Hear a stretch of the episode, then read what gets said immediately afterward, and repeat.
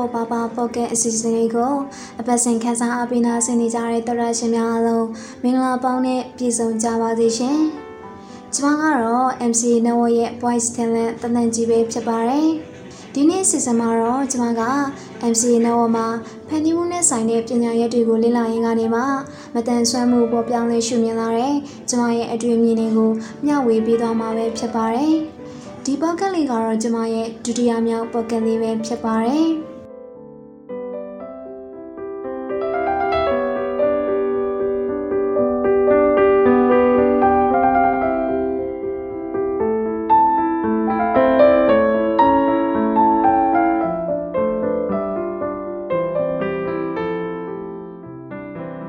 မင်္ဂလာပါခင်ဗျာရီမမပေါ်ပပရဲ့အပတ်စဉ်ဗုဒ္ဓဟူးနေ့တိုင်းမှာတင်ဆက်နေကြဖြစ်တဲ့တက်သစ္စာလူငယ်ကဏ္ဍကနေကြိုဆိုလိုက်ပါတယ်ဒီ podcast ကတော့မြမလူမှုနယ်ပယ်ကစိတ်အားတက်ကြွပွဲဇလန်းအစုံကိုအများသူငါကိုမတန်ဆွမ်းမှုအသိပညာမြင့်တင်ပေးဖို့အတွက်လွတ်လပ်တဲ့တွေးခေါ်ဆင်ခြင်နိုင်မှုတွေနဲ့အတူမျှဝေလိုချသူတွေရဲ့အတန်တွေကိုပြုစုပြောထောင်ဖို့တည်ထောင်ထားခြင်းဖြစ်ပါတယ်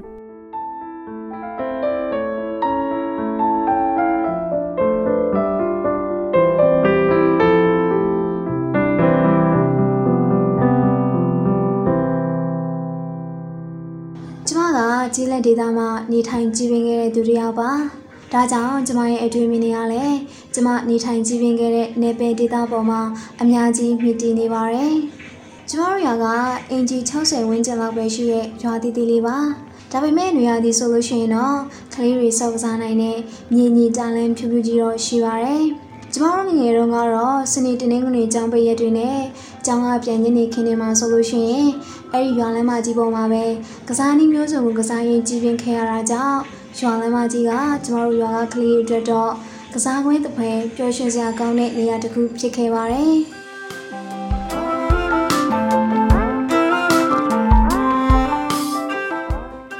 ဒီနေ့ကျမအသက်ရှင်တဲ့အရွယ်လောက်မှာအဲ့ရွာလမ်းမကြီးပေါ်မှာကစားနေတော့ကျမကိုကြောင်းလန့်စေခြင်းနဲ့အတူစူးစမ်းခြင်းစိတ်ဖြစ်စေခဲ့တဲ့အဖြစ်အပျက်တစ်ခုကိုကြုံတွေ့ခဲ့ရပါတယ်။ ဒီလိုခံစားချက်မျိုးစုံရောထွေးနေတဲ့အတွက်ကြောင့်သာဒီဖြစ်ပျက်ကိုအခုချိန်ထိမှတ်မိနေခဲ့တာပါ။အဲ့ဒီနေ့ကကျမကြောင်းပိတ်ရက်လေးဆိုတော့မနဲ့စောစောမနဲ့စာစားပြရနဲ့တငယ်ချင်းတွေနဲ့တူတူကစားဖို့အတွက်အိမ်ကနေတာလမ်းမဘက်ထွက်လာခဲ့ပါတယ်။လမ်းမပေါ်ရောက်လို့ကျွားရီလူစုံတာနဲ့ပဲလမ်းမေးတနေရာမှာထိုင်ပြီးတော့ကြက်ပြားစီကိုစုံမဖတ်တိုင်းကစားနေတော့မှပဲအရင်တော့ရွာဘက်မှာကျွန်မတခါမှမတွေ့ဘူးခဲ့မျက်နှာခက်ဝိုင်းဝိုင်းနာရန်ပြပြနဲ့ အသက်20ကျော်ဝန်းကျင်လောက်ရှိတဲ့အမျိုးသားတစ်ယောက်ကကျမတို့ကစားနေတဲ့ဝိုင်းဘက်ကိုစိတ်လို့ရှားနေတဲ့အမူအရာနဲ့ပြုံးပြီးတော့ပြေးလာပါတယ်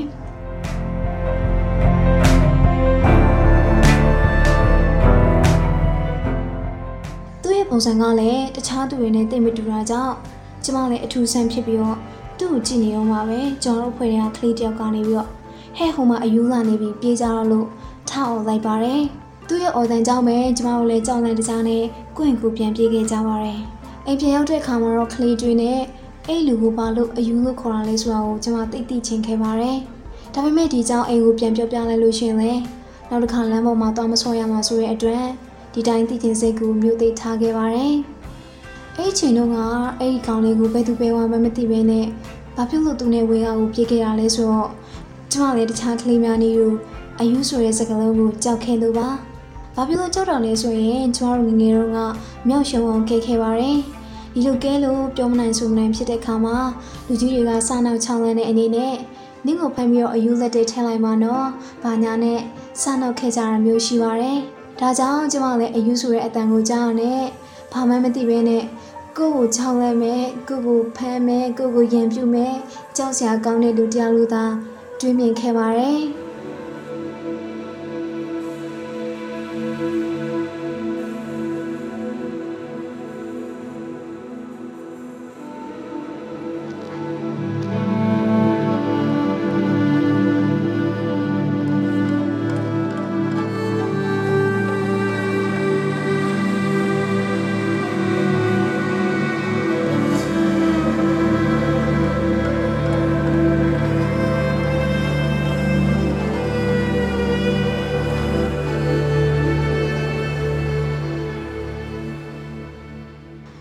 2018ခုနှစ်ကျမအဝေးတင်တတရားနဲ့မှာ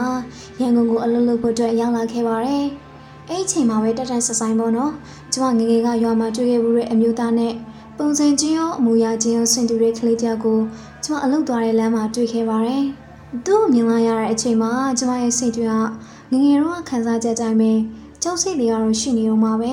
ဒါပေမဲ့တစ်ချိန်တည်းမှာလည်းကျမတိကျင်စိတ်တွေပြန်ပြီးတော့ဖြစ်လာခဲ့ပါတယ်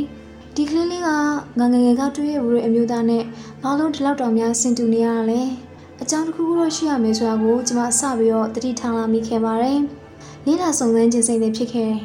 ဒါပေမဲ့ဘယ်လိုလေးလာစုံစမ်းရမယ်ဆိုတဲ့နည်းလမ်းကိုတော့ကျမရှာမတွေ့ခဲ့ပါဘူး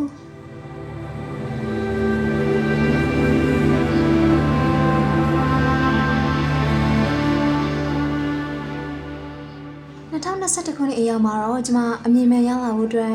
အကြောင်းတက်ဆိုင်လာတယ်ပဲလို့ပြောရမလားရှင်။ဒေါင်းဆန်တို့မင်းသားလေးဇက်ကော့စကန်အဓိကနေရာကနေပါဝင်တည်ဆောင်ထားပြီးတော့အခြားနာမည်ကြီးရုပ်ရှင်တည်ဆောင်နေဖြစ်ကြတဲ့ Shell Levin နဲ့ Dakota Johnson တို့တွဲဖက်တည်ဆောင်ထားတဲ့ The Peanut Butter Falcon မြေပဲထောပတ်သိငယ်ဆိုတဲ့ရုပ်ရှင်ကားလေးတကားကိုကျွန်မကြည့်လိုက်ရပါတယ်။အစားကတော့ကျွန်မပုံမှန်ရုပ်ရှင်ကြည့်နေကြအတိုင်းပဲစိတ်ပန်းဖြေဖို့အတွက်ပဲကြည့်ခဲ့တာပါ။ ဒါပေမဲ့ဒီရုပ်ရှင်တွေကအဓိကဆက်ဆောင်မင်းသားလေးကကျမရွာမှာတွေ့ခဲ့မှုတဲ့ကောင်းလေးနဲ့ရောအလုတ်တော်တဲ့လမ်းမှာဆုံတွေ့ခဲ့မှုတဲ့ကလေးနဲ့ပါဆင်တူနေခဲ့ပါတယ်ဒီလိုနဲ့ကျမရုပ်ရှင်ဆောင်လန်းလေးကိုဆက်ပြီးတော့ကြည့်ဖြစ်ခဲ့ပါတယ်ရုပ်ရှင်ဆောင်လန်းလေးရဲ့အကျဉ်းကတော့အစိုးရဆောက်ရှောက်မှုကြရာကနေပြီးတော့လူမှုဝင်တဲ့အမျိုးသမီးတူကကြီးကြပ်ပေးနေတဲ့ဒေါင်းဆင်တို့ရှိရဲ့လူငယ်လေးတောင်ဟာအခန်းပေါ်ဖြစ်တဲ့အဖိုးကြီးတောင်ရဲ့အကူအညီနဲ့သူ့ရဲ့နဘန်သမားဖြစ်ခြင်းတဲ့အိမ်မက်ကိုအကောင့်ထဲပေါ်ဖို့အတွက် ဂီယာကနေထွက်ပြေးလွတ်မြောက်လာရင်းနဲ့မှအလုပ်ပြုတ်ပြီးတော့ထွက်ပြေးတိတ်ဆောင်မှုကြိုးစားနေတဲ့ငါးဖန်သမားတယောက်နဲ့တွေ့ပြီးတော့ခင်မင်းရင်းနှီးသွားခဲ့ပါတယ်။အဲ့ဒီတော့မှဂီယာကနေပြီးတော့သူ့ကိုဆောင်းရှောက်ပေးနေတဲ့အမျိုးသမီးဝန်ထမ်းကလည်းရှာရင်သူတို့တွေ့တဲ့အခါမှာမဖြစ်မနေခီးဆက်ဖို့အတွက်အကြောင်းဖန်လာခဲ့ပါတယ်။အဲ့လိုခီးဆိုင်နေမှာအခက်ခဲတွေကြားတဲ့ကနေသူတို့နှစ်ယောက်ရဲ့ပတ်မှုမှုနဲ့အတူဒေါင်းဆင်တို့ရှိတဲ့လူငယ်လေးတယောက်ရဲ့အိမ်မက်ကိုဘယ်လိုအကောင့်ထဲပေါ်ကြလဲဆိုတာကိုရိုက်ကူးထားတာလေးပါ။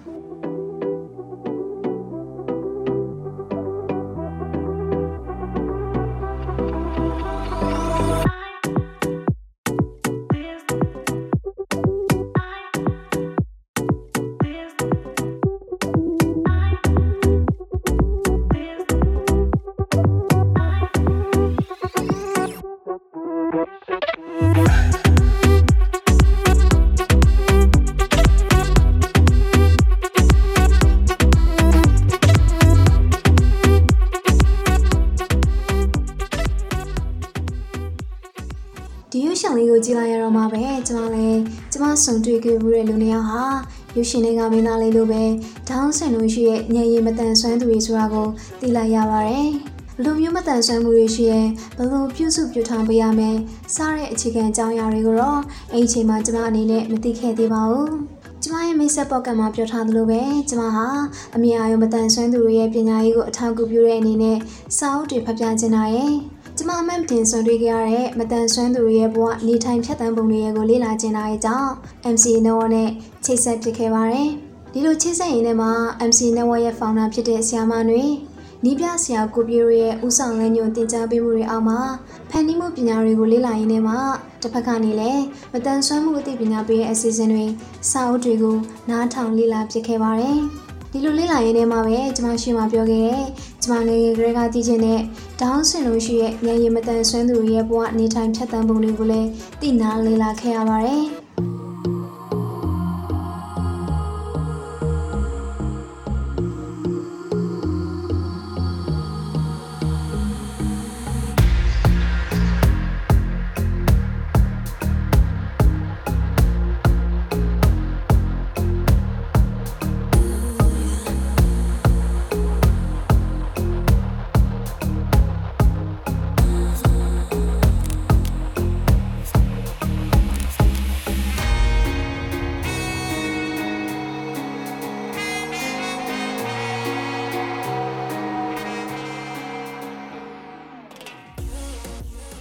အဓိကသိလိုက်ရတာကတော့ဒေါင်းဆင်တို့ရှိရဲ့ကလေးကိုပညာသင်ပေးလို့ရတယ်ဆိုတဲ့အချက်ပါပဲ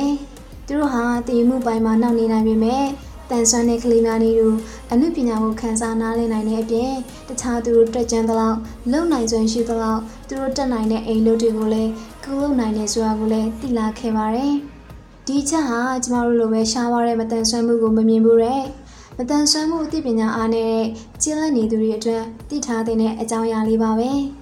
ဒီလိုသိထားမှသာကျမတို့ရဲ့ပတ်ဝန်းကျင်မှာဒေါင်းဆင်တို့ရှိရဲ့ကလေးတယောက်မွေးလာခဲ့ရင်ဘယ်လိုပြုစုပြောထောင်ပေးရမလဲဆိုတာကိုကျမတို့အနေနဲ့သိနားလည်လာနိုင်မှာပါ။ဒါဆိုရင်ကျမငယ်ငယ်ကကြုံခဲ့ရတဲ့ဖြစ်လို့ညရင်မတန်ဆွမ်းသူတွေကိုတွေ့တဲ့အခါမှာထူးခြားတဲ့သူတယောက်လိုမျိုးပြုမှုဆက်ဆံတာမျိုးတွေလည်းရှိလာနိုင်တော့မှာမဟုတ်ဘူးလို့ကျမအနေနဲ့မြင်မိပါတယ်။အဲ့ဒီချိန်တုန်းကတော့ကျမတို့ကလည်းငယ်သေးရဲ့ဖြင့်မတန်ဆွမ်းမှုဘူးသူတာလည်းမရှိခဲ့သေးတဲ့အတွက် သူ့ကိုအယူလို့ထင်ပြီးစိတ်လှရှားပြီးတော့ထွက်ပြေးသလို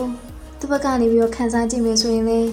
သူ့အတွေ့မှာကျမတို့တွေကြောက်လန့်ကြထွက်ပြေးကြတဲ့အတွက်သူ့ရင်နဲ့ဘယ်လိုခံစားရမလဲပေါ့တကယ်တော့အဲ့ဒီချိန်တုန်းကကျမတို့ကြားထဲမှာစီချရတဲ့အတွေ့အမြင်တွေကိုဖြတ်ပြီးတော့လူသားတယောက်ကိုလူသားလို့သာမြင်ပြီးသူ့ကိုယ်သာလက်ခံပြီးကစားပြခဲ့ရင်ကျမတို့ရဲ့ကစားဝိုင်းလေးဟာကျမတို့အားလုံးအတွက်ပျော်ရွှင်စရာအမတ်တရားတွေကိုသာဖန်တီးပေးနိုင်ခဲ့မှာပဲလို့ကျမအနေနဲ့ယုံကြည်မိပါတယ်ရှင်။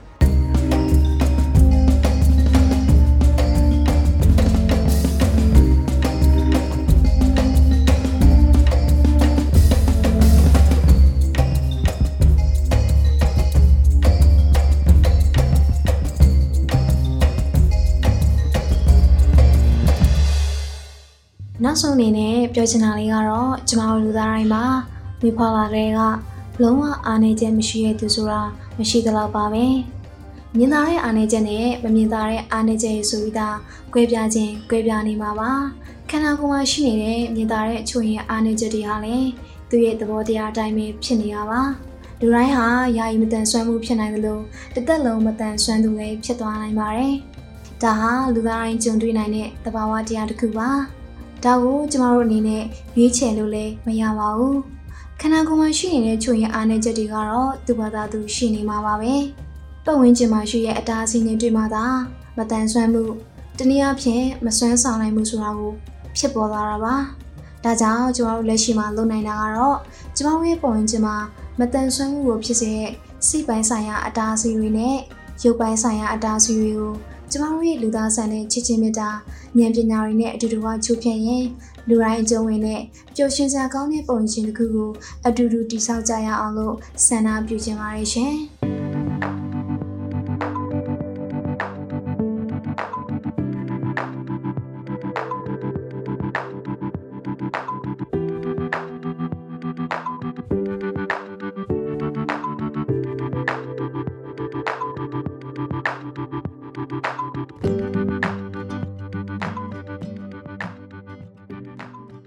မိတ်ဆွေတို့ရောတောင်းဆင်လို့ရှိတဲ့သူတွေနဲ့ကျမလိုပဲဆုံတွေ့ခဲ့ဘူးလားဆုံတွေ့တဲ့အခါမှာရောဘလို့ပြုမှုဆက်ဆံပြလဲစရဲမိတ်ဆွေတို့ရဲ့သဘောထားထင်မြင်ယူဆချက်လေးတွေကို comment မှာရေးပေးခင်နိုင်ပါတယ်ရှင်ဒီနေ့စီစဉ်လေးကိုတော့ဒီလောက်နဲ့ပဲရနာကြပါတယ်အဆုံးထိအားပေးနာဆင်ပေးကြတဲ့တော်ရရှင်တယောက်ချင်းစီတိုင်းကိုလည်းအထူးကျေးဇူးတင်ကြောင်းပြောကြရင်းနဲ့အားလုံးကိုနှုတ်ဆက်လိုက်ပါရရှင်